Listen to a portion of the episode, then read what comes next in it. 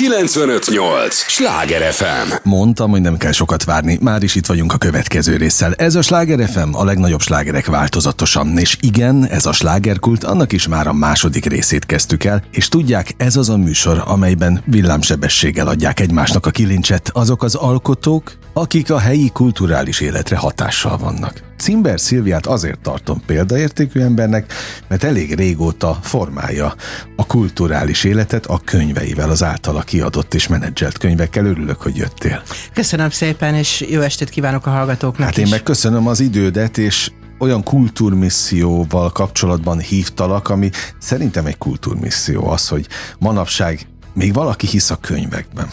Én már húsz éve mondogatom, hogy a Gutenberg galaxisnak vége, és itt mi az utolsó farvizé nevickélünk, de én is szerelmes vagyok persze a könyvekbe, és a szerzőimbe én csak olyan könyvet adok ki, amit szeretnék, nem ebből élek. Amit te is szívesen elolvasol? Amit én is szívesen elolvasok, és aminek a szerzőjét valamiért megkedveltem. Aha, Cimber könyvek, egyébként ez a, ez a kiadód neve. Jól mondtam, hogy egy kultúrmisszió, amit te tulajdonképpen képviselsz? Igen, szeretnék értékeket megmutatni, és azt remélem, hogy a, ez a cimberkönyvek ö, elnevezés, ez egy ígéret is arra, hogy az olyan színvonalú lesz az a könyv, ami ezt az emblémát viseli, ö, amilyet, amilyet szívesen adok az olvasók kezébe. Neked, számodra a, a könyv az mióta szerelem? Hát ö, talán amióta megszülettem, úgy Ja, hogy azt te, mondhatnám. teljesen a... Igen, nekem az édesanyám minden este olvasott, Aha. és a meséket kívülről tudtam már három-négy éves koromban. Szeret elmondani egy anekdótát, hogy a Zobonéninek dicsekedett, hogy a négy éves lánya kívülről tudja a mesét, mire Zobonéni mondta, hogy ezek a gyerekek, mint a tiszta papír, bármit rá lehet írni az agyukra, és mindent befogadnak, ne legyen anyuka elfogult. De anyukám azóta is elfogult. Azóta is. Na. É, és ha már anyukádat említetted, hoztál egy ilyen nagyon szép, hosszú listát, amiket kiadtál könyveket, de ő is benne van a listában? Igen, hát ő a mai napig a kiadónk zászlós hajója az ő könyve, ami tulajdonképpen a családunk története 1848-tól. Az édesapám ö, családfakutatással ö, foglalkozott szabad idejében, és összerakta a családfát. Édesanyám pedig nagyon sok éven át ápolta a dédnagymamámat és a nagymamámat. Ezért tudott 1848-ig visszamenni, és amikor már az unokák is felnőttek, és nem volt különösebb dolga, akkor nekiállt megírni a család történetét. Éveken át írta, spirálfüzetekbe kézzel, Kézzel írta. Aha. És mondta, hogy hát gépeljük le, hogy majd a gyerekeim is el tudják olvasni. És amikor gépeltem a könyvet, akkor jöttem rá, hogy ez sokkal több, mint egy családnak a története. Ez valójában egy történelem alulnézetből, ö, rendkívül érdekes és izgalmas történetekkel. Úgyhogy a végén könyvet szerkesztettem belőle, amiből már több ezer példány olvasóra talált, és a könyvtárakban is rajtosra olvassák. Ugye te, te, mint egy könyvkiadó vezetője, nyilvánvalóan hozzád egy csomó kézirat érkezik, tehát el kell dönteni, hogy mit adsz ki, mit nem adsz ki, stb. stb. De máshogy áll az ember a saját édesanyjához? Vagy ugyanolyan, tudom én, szigorú vagy vele is, mint a, a többi? Én nem Szerzővel. álltam hozzá másképpen. Tehát, Tehát ö, hogy kezelted őt, erre vagyok kíváncsi. hát sokat veszekedtünk. Az a helyzet, hogy minden szerzővel sokat veszekszünk, mert a szerző minden szavába szerelmes. Én pedig, mint szerkesztő és kiadó, pontosan tudom, hogy hol ül le a kézirat, hol kezd laposodni, hol fogja unni az olvasó, és hát könyörtelenül belenyúlok, uh-huh. de a szerzővel megbeszélve. És ilyenkor jó ízű viták folynak, ami szerintem előre viszi a kéziratot. meg lehet őket győzni, a szerzőket? Meg lehet végül is győzni, olyan is előfordul, hogy ők győznek meg engem, az a ritkább, de azért előfordul. Ebben a, a tekintetben volt egy kicsit más az anyukám, mert családon belül az ember jobban elengedi magát, úgyhogy még vérmesebben vitatkozik, és ott ugye beszállt a történetbe az öcsém, meg az apukám is, mindenkinek volt hozzá egy szava, de azt gondolom, hogy végül is az olvasók visszaigazolták, hogy egy jó kézirat született, és nagyon szeretik a könyvet. Sokaktól hallottam, hogy nem tudták letenni, egy De jó. éjjel alatt kiolvasták, pedig 800 oldal. 800 oldalas. Igen. És egy kötetben? Egy, egy kötetben, kötetben belefért 800 oldal? Igen, igen, igen. Milyen vastag az? Hát nem tudnám most megmondani, hogy hány centi a gerince, de, ah, de van súlya. Többen mondták, hogy azért buszon villamoson nem viszik magukkal, uh-huh. de, de miután letehetetlennek érzik, ezért nem érzik hosszúnak. A legtöbben azt mondták, hogy még úgy olvasták volna. Uh-huh. Most anyukám megírta a család másik ágát, a kézirat már nálam van, és persze minden nap kikapok, hogy még nincsen kész. Aha, jó, de dolgozol rajta. Igen. Na azért is hívtalak, Szilvi, mert tényleg, ahogy én, én beleástam magam a te munkásságodba, az rendkívül példaértékű. Egyrészt te ugye itt a vételkörzetünkben, Budapest és térségében élsz, alkotsz, itt teszed a dolgodat, te természetesen ki van az egész e, terjeszt a nagyvilágra, hiszen a válogatott könyvek.hu-n ott elérhetőek a te a ti kiadványaitok, és Egyrészt azon túl, hogy a saját édesanyád az egyik zászlós hajó, ahogy mondtad a, a kiadónak, mert hogy a legjobban megy a könyve, még olyan kuriózumok is vannak nálad, mint egy hány éves az úriember, Tatár Imre, akinek itt van, van a könyve Van egy 104 éves szerző. Atyaik, 104 éves. Aki fantasztikus szellemi állapotban és van. És aki ezért el fogok menni interjút készíteni ebbe a műsorba. Nagyon remélem, és hát nagyon 104 köszönöm. éves íróval én még nem beszélgettem. Egy élmény lesz. Ő teljesen szellemi képességei birtokában van, és azért könnyű vele, mert ő újságíró volt 70 év, éven át, sőt ma is annak tartja magát természetesen, és három kötetét is megcsináltuk, az első, ami, amit most a kezedben tartasz, ez egy 56-os napló. Ennek az a nagyon nagy érdekessége, hogy ő ezt nem utólag írta, hanem uh-huh. akkor, 56-57-ben írta ezt a naplót. Ez nem volt kiadva? Évtizedekig rejtegette, hiszen ami benne állt, az nem volt annyira kompatibilis a uh-huh. hatalommal, és az ő Tehát kész csoda, hogy ez megmaradt. Igen, ő ezt megőrizte, és a rendszerváltás után gondolt rá, hogy ki kéne adni, de nem házalt vele, vagy nem keresett kiadót, Viszont van egy nagyon kedves közös ismerősünk, egy sajnos már elhunyt barátom, Kamarás Péter, akinek csináltunk egy könyvet, Ügyvédnél vagyok címmel, ez az ügyvédi élményeiről szólt, uh-huh és Tatár Imre az ő rokona, tehát ő hozott bennünket össze, és akkor mondta, hogy neki van egy ilyen 56-os naplója, amit még senki nem olvasott, szívesen odaadja elolvasni. Körülbelül ugyanebben az időben pedig uh, találkoztam egy uh, fotó, de találkoztam egy, egy uh, csomagfotóval, uh-huh. ami egy padlásról került elő, az ő padlásáról? Nem. Egyébként? Ez egy teljesen tőle független egy barátomnak a, a rokona volt, Veszeli Andor uh-huh. amatőr fényképésznek a képei kerültek elő a hagyatékból, amik soha sehol nem lettek publikálva, amiket ő 56-ban az utcán készített. Uh-huh. És így ez a képanyag ezzel a naplóval találkozott, és egy korabeli uh-huh. könyv lett belőle, tehát mind a képek, mind pedig a kézirat akkor született 56-57-ben. Tehát elképesztő kuriózum. Abszolút. No, pont ez a lényeg, amit én, én a te munkádban missziódban, és azért nevezem ezt missziónak, mert elmondtad az elején, hogy nem ebből élsz. És feltételezem, hogy nem is a pénzért csinálod. Nem. Tehát egy könyvkiadót azért én, aki benne vagyok valamelyest a, a könyvbizniszben, pontosan tudom, hogy ez nem arról szól, hogy itt, itt most feltétlenül pénzt keresünk, hanem, hanem arról, hogy, hogy valamivel beleszerettünk, és ez a szenvedély ezt tart. És az ember az alkotás öröméért csinálja, de hogy ez hogy van egy könyvkiadónál, azt, ezt, ezt te mondd el, aki Hát az alkotás öröméért és a szerzőkért. Tehát nekem nagyon, nagyon különleges és érdekes szerzőim vannak, nem csak a, az anyukám, hanem ott van például most legutóbb adtuk ki a verses kötetét Szondai Szandrának, uh-huh. és ö, 15 éves korában meg én adtam ki a Kamasz naplóját, meg vagyok húzatva címmel. Aha. Ő egy Marfan szindrómával született hölgy, költő és esztéta, egy, egyébként pedig a cirkuszban muzeológus, és ez már a harmadik verses kötete, az Exodus, amit most kiadtunk, Szandrával is több éves, évtizedes barátság fűz össze.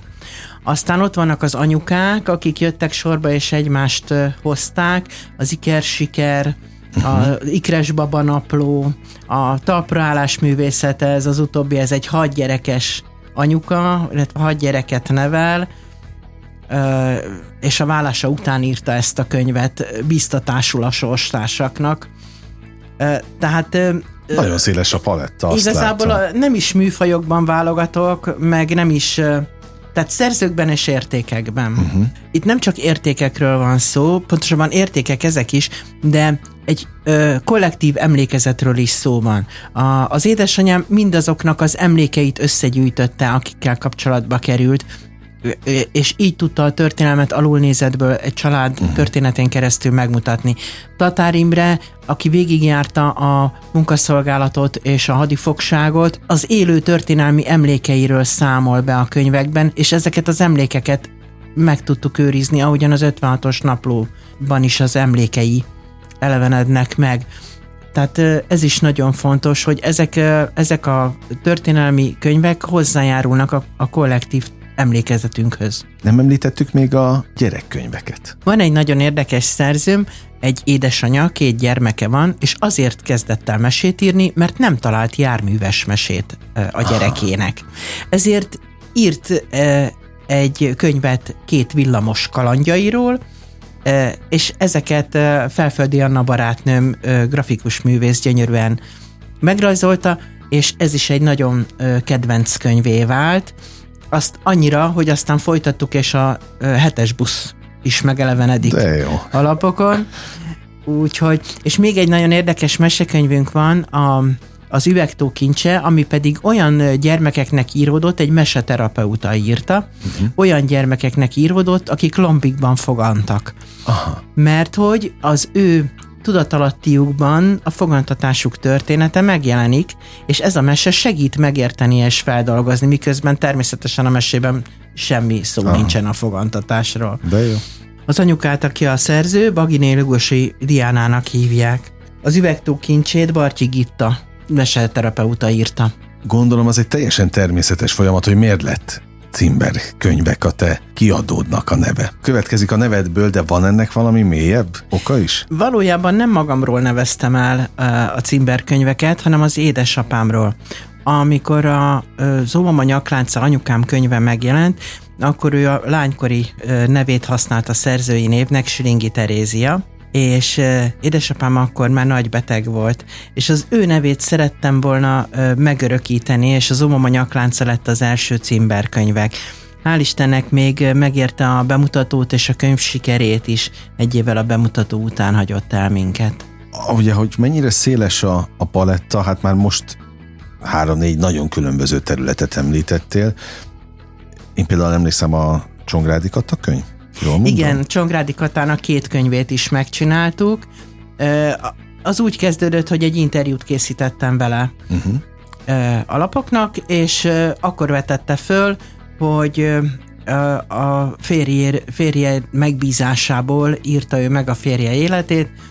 Ennek lett a slágergyáros a címe, ugye S. Nagy Istvánról beszélünk, és ki más tudna róla többet, mint a felesége. De jogos. Aki jogos. ápolta tíz éven keresztül, és gondoskodott róla haláláig, és ma is őrzi a hagyatékát, és gondozza élő módon, tehát fiatal előadókkal adják elő ezeket a dalokat és vele csináltuk meg először a slágergyáros könyvet, utána pedig most nem olyan régen egy interjú kötetet hoztunk tető alá, mert van egy tévéműsor, amiben ő uh-huh. híres emberekkel készít interjúkat, és ezeket fűztük össze egy kötetbe. Hát és a Katát közéletben. is nagyon megkedveltem, ő is nagyon kedves barátnőm, ha mondhatom Csókoltatjuk így az éterről, hát ha hallgat minket. A közéletben is ugyanúgy ott vagy, tehát a közéleti témákban is?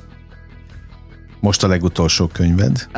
A legutolsó könyvem, igen, az egy, az egy közéleti könyv, csak azért is, ezt... Ómolnár Miklós a, a szerzője, aki szintén járt ebben a műsorban, igaz, akkor Demérről írt. Igen, és vele együtt dolgozunk, tehát innen jött az, hogy, hogy akkor ezt a könyvet gondozzuk közösen, és, és adjam ki én.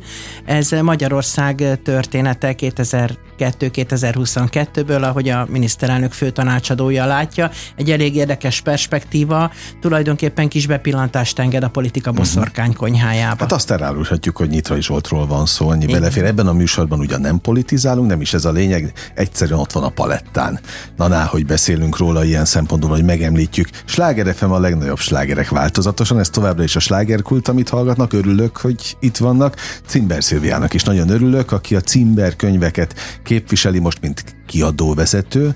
Ebben a beszélgetésben egy rendkívüli missziónak tartom az ő tevékenységét, épp azért is hívtam, hiszen hiszen eh, azt nem mondom, hogy utolsó mohikánként, mert természetesen vannak, vannak könyvkiadók, akik még szeretik a könyveket és hisznek benne, de az, hogy valaki az újságírói pályafutása, szerkesztői pályafutása mellett felépít tulajdonképpen szenvedélyből egy ilyen, egy ilyen vállalkozást, és elmondtad azt többször is, hogy nem a pénzért csinálod, az egy nagyon tisztelendő és példaértékű dolog, és pláne, hogy ilyen széles palettával dolgozol. Mit látsz egyébként, hogy hol tart most a könyvpiac?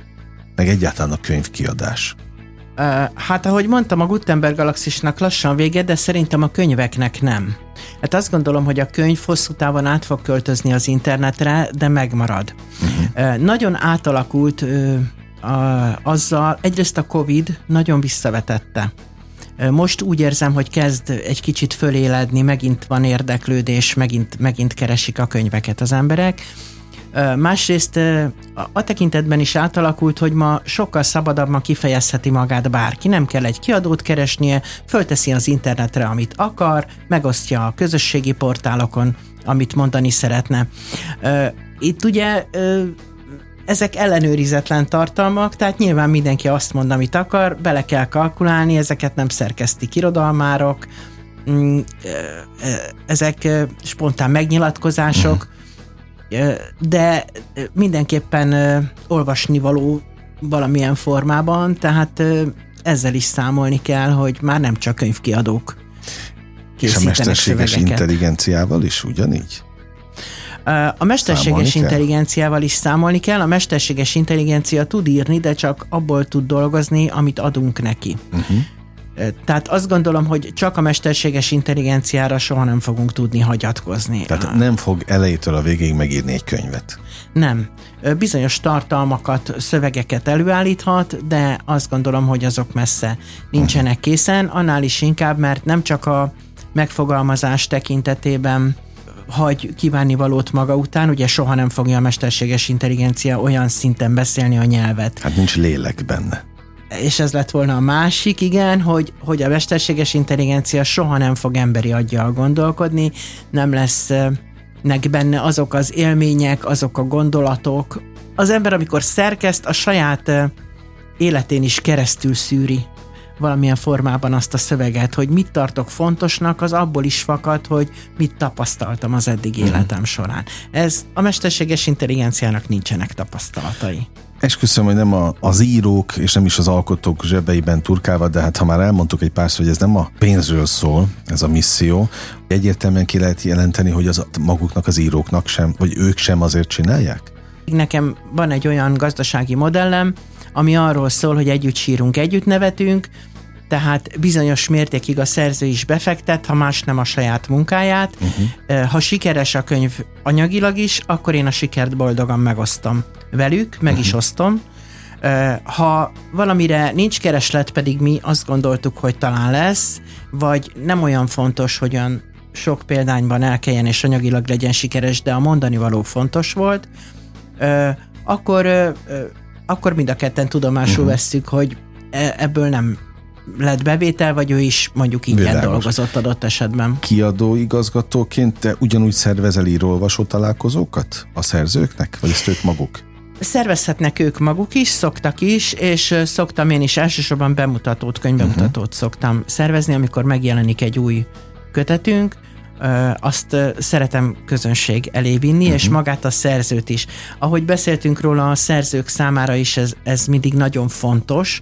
Van olyan szerzőm, akinek az az egyetlen kötete jelent meg, ami, uh-huh. amit én adtam ki, Tehát nekik fontos az, hogy, hogy meglegyenek ünnepelve, és az a produktum, amit létrehoztak, és amiért megdolgoztak, az meg legyen becsülve.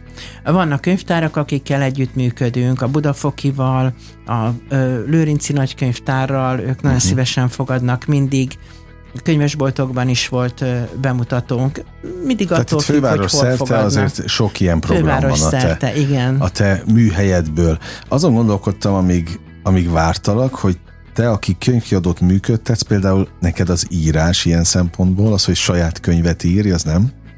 Dédelgetek én saját könyveket, vagy csak sosincs időm. Vagy... igen, igen, sosincs időm rá. Van egy-két ötletem, amit ha majd egyszer ráérek, akkor megírok, de ezek is olyan ötletek, amik inkább azért születtek, mert szeretnék adni vele valamit az uh-huh. embereknek, vagy úgy érzem, hogy, hogy van valami, amit én tudok és meg tudok osztani, és az hasznos lehet másoknak. Én nagyon szeretek szövegeket gondozni, és szeretek mások szövegével dolgozni. Tehát nincsen bennem kielégítetlenség amiatt, hogy, uh-huh. hogy saját Mert hogy amúgy is ezzel foglalkozol Egyébként szinten. az első könyvet azt én írtam, ez egy nagyon érdekes könyv volt, 94-ben, a politikus a, feleségek? A, igen, és akkor miniszternél lettem, az volt a címe, igen, igen, már nem nagyon felelhető. Nagyon érdekes volt, mert ugye a, az Antal kormány, az első kormány, az nem politikusokból állt, hanem civilekből, uh-huh. akik a rendszerváltás után egyszer csak miniszterek lettek, és a feleségükből meg mi, miniszterné uh-huh. lett. És ez egy meglepő hát fordulata volt az életüknek, és volt szerencsém őket végiglátogatni, majdnem mindegyik az otthonában fogadott, és hosszan beszélgettek velem, és ezekből a beszélgetésekből készült egy interjúkötet, és ez is egy kuriózum, mert nem, nem tudom, hogy De azt is te adtad ki egyébként? Ilyen. Azt nem én adtam ki még, azt más adta ki, de én írtam és én szerkesztettem. Nagyon más volt a 90-es évek? Közepén? A 90-es években sokkal nagyobb példányszámokat lehetett elérni, és sokkal ö, ö, többet lehetett keresni a kiadással. Tehát az még egy másik. Én csináltam meg az első az. magyar makrobiotikus szakácskönyvet, abból még majdnem fel tudtam újítani a lakásomat. Komolyan? Igen, az nagyon-nagyon jól Na. ment. Annak idején az is 95-ben volt. És mikor kezdett el ez az egész piac átalakulni? Mit tapasztaltál? Szerintem az internet elterjedésével. Aha. Ö, biztos, hogy az is benne van, hogy, hogy az emberek nagyon megnézik, hogy mire költenek, a papír, a nyomda egyre drágább, ez is benne van. Ugye most a háború miatt is nagyon drágává vált a, a kiadás, a nyomdaköltségek, papírköltségek, de meg sokkal több is a könyv. Tehát arra panaszkodik a, a kereskedő partnerem, hogy karácsony előtt olyan dömping van, hogy nem tudja hova tenni. Annyi cím van, hogy felsorolni sem lehet. Mert ugye bárki adhat ki könyvet szabadon, ami egy jó dolog, uh-huh. hiszen mindenki elmondhatja, amit szeretne, aztán majd a közönség eldönti, hogy ő mit akar olvasni. De nagy a kínálat, és ezért egy-egy tételből kisebb példányszámot uh-huh. lehet eladni. Jó, tehát ma már nincsenek 80 ezes példányszámok. Nincsenek, még a nagy keresett szerzőknek sem. Én nem mondom, hogy nincsenek sikerkönyvek, mondom, az Óvama nyaklánca is több ezer példányban elment. Már, már megint elfogyott, úgyhogy lehet, hogy utána kell nyomni, de a legtöbb könyv az szerényebb példányszámokban uh-huh. Megy, és és annak is örülni kell, mert, mert azok is olvasok, másrészt egy olvasó, vagy egy vevő ö, több olvasót jelent, mert uh-huh. odaadják egymásnak a könyveket, cserélnek, a könyvtárakba sokan járnak. Amikor van egy-egy ilyen írólvasó találkozó, mondtad, hogy itt több könyvtárral is van kapcsolat. szövetség, meg kapcsolat a, a főváros, illetve a mi vételkörzetünk szerte. Mit tapasztalsz, hogy amikor elmennek, dedikálják és meg is veszik a könyvet egyébként a Sokkal a könnyebb eladni a könyvet akkor, hogyha a szerzőhöz kötődik. Tehát az Aha. a szerző, amelyik aktív, a közösségi portálokon is, a Tehát saját körében is. Ugyanúgy. Igen, a személyes kontaktus, a személyes jelenlét nagyon sokat számít, többet számít szerintem ma, mint régen. És tényleg marketingesnek kell lenni minden szerzőnek ma már? Tehát nem engedheti meg senki magának, hogy, hogy nincs jelen mondjuk a közösségi oldalakon? Én azt gondolom, hogy igen. És most feltétlenül nem Tatár Imrére gondoltam a 104 éves szerződre.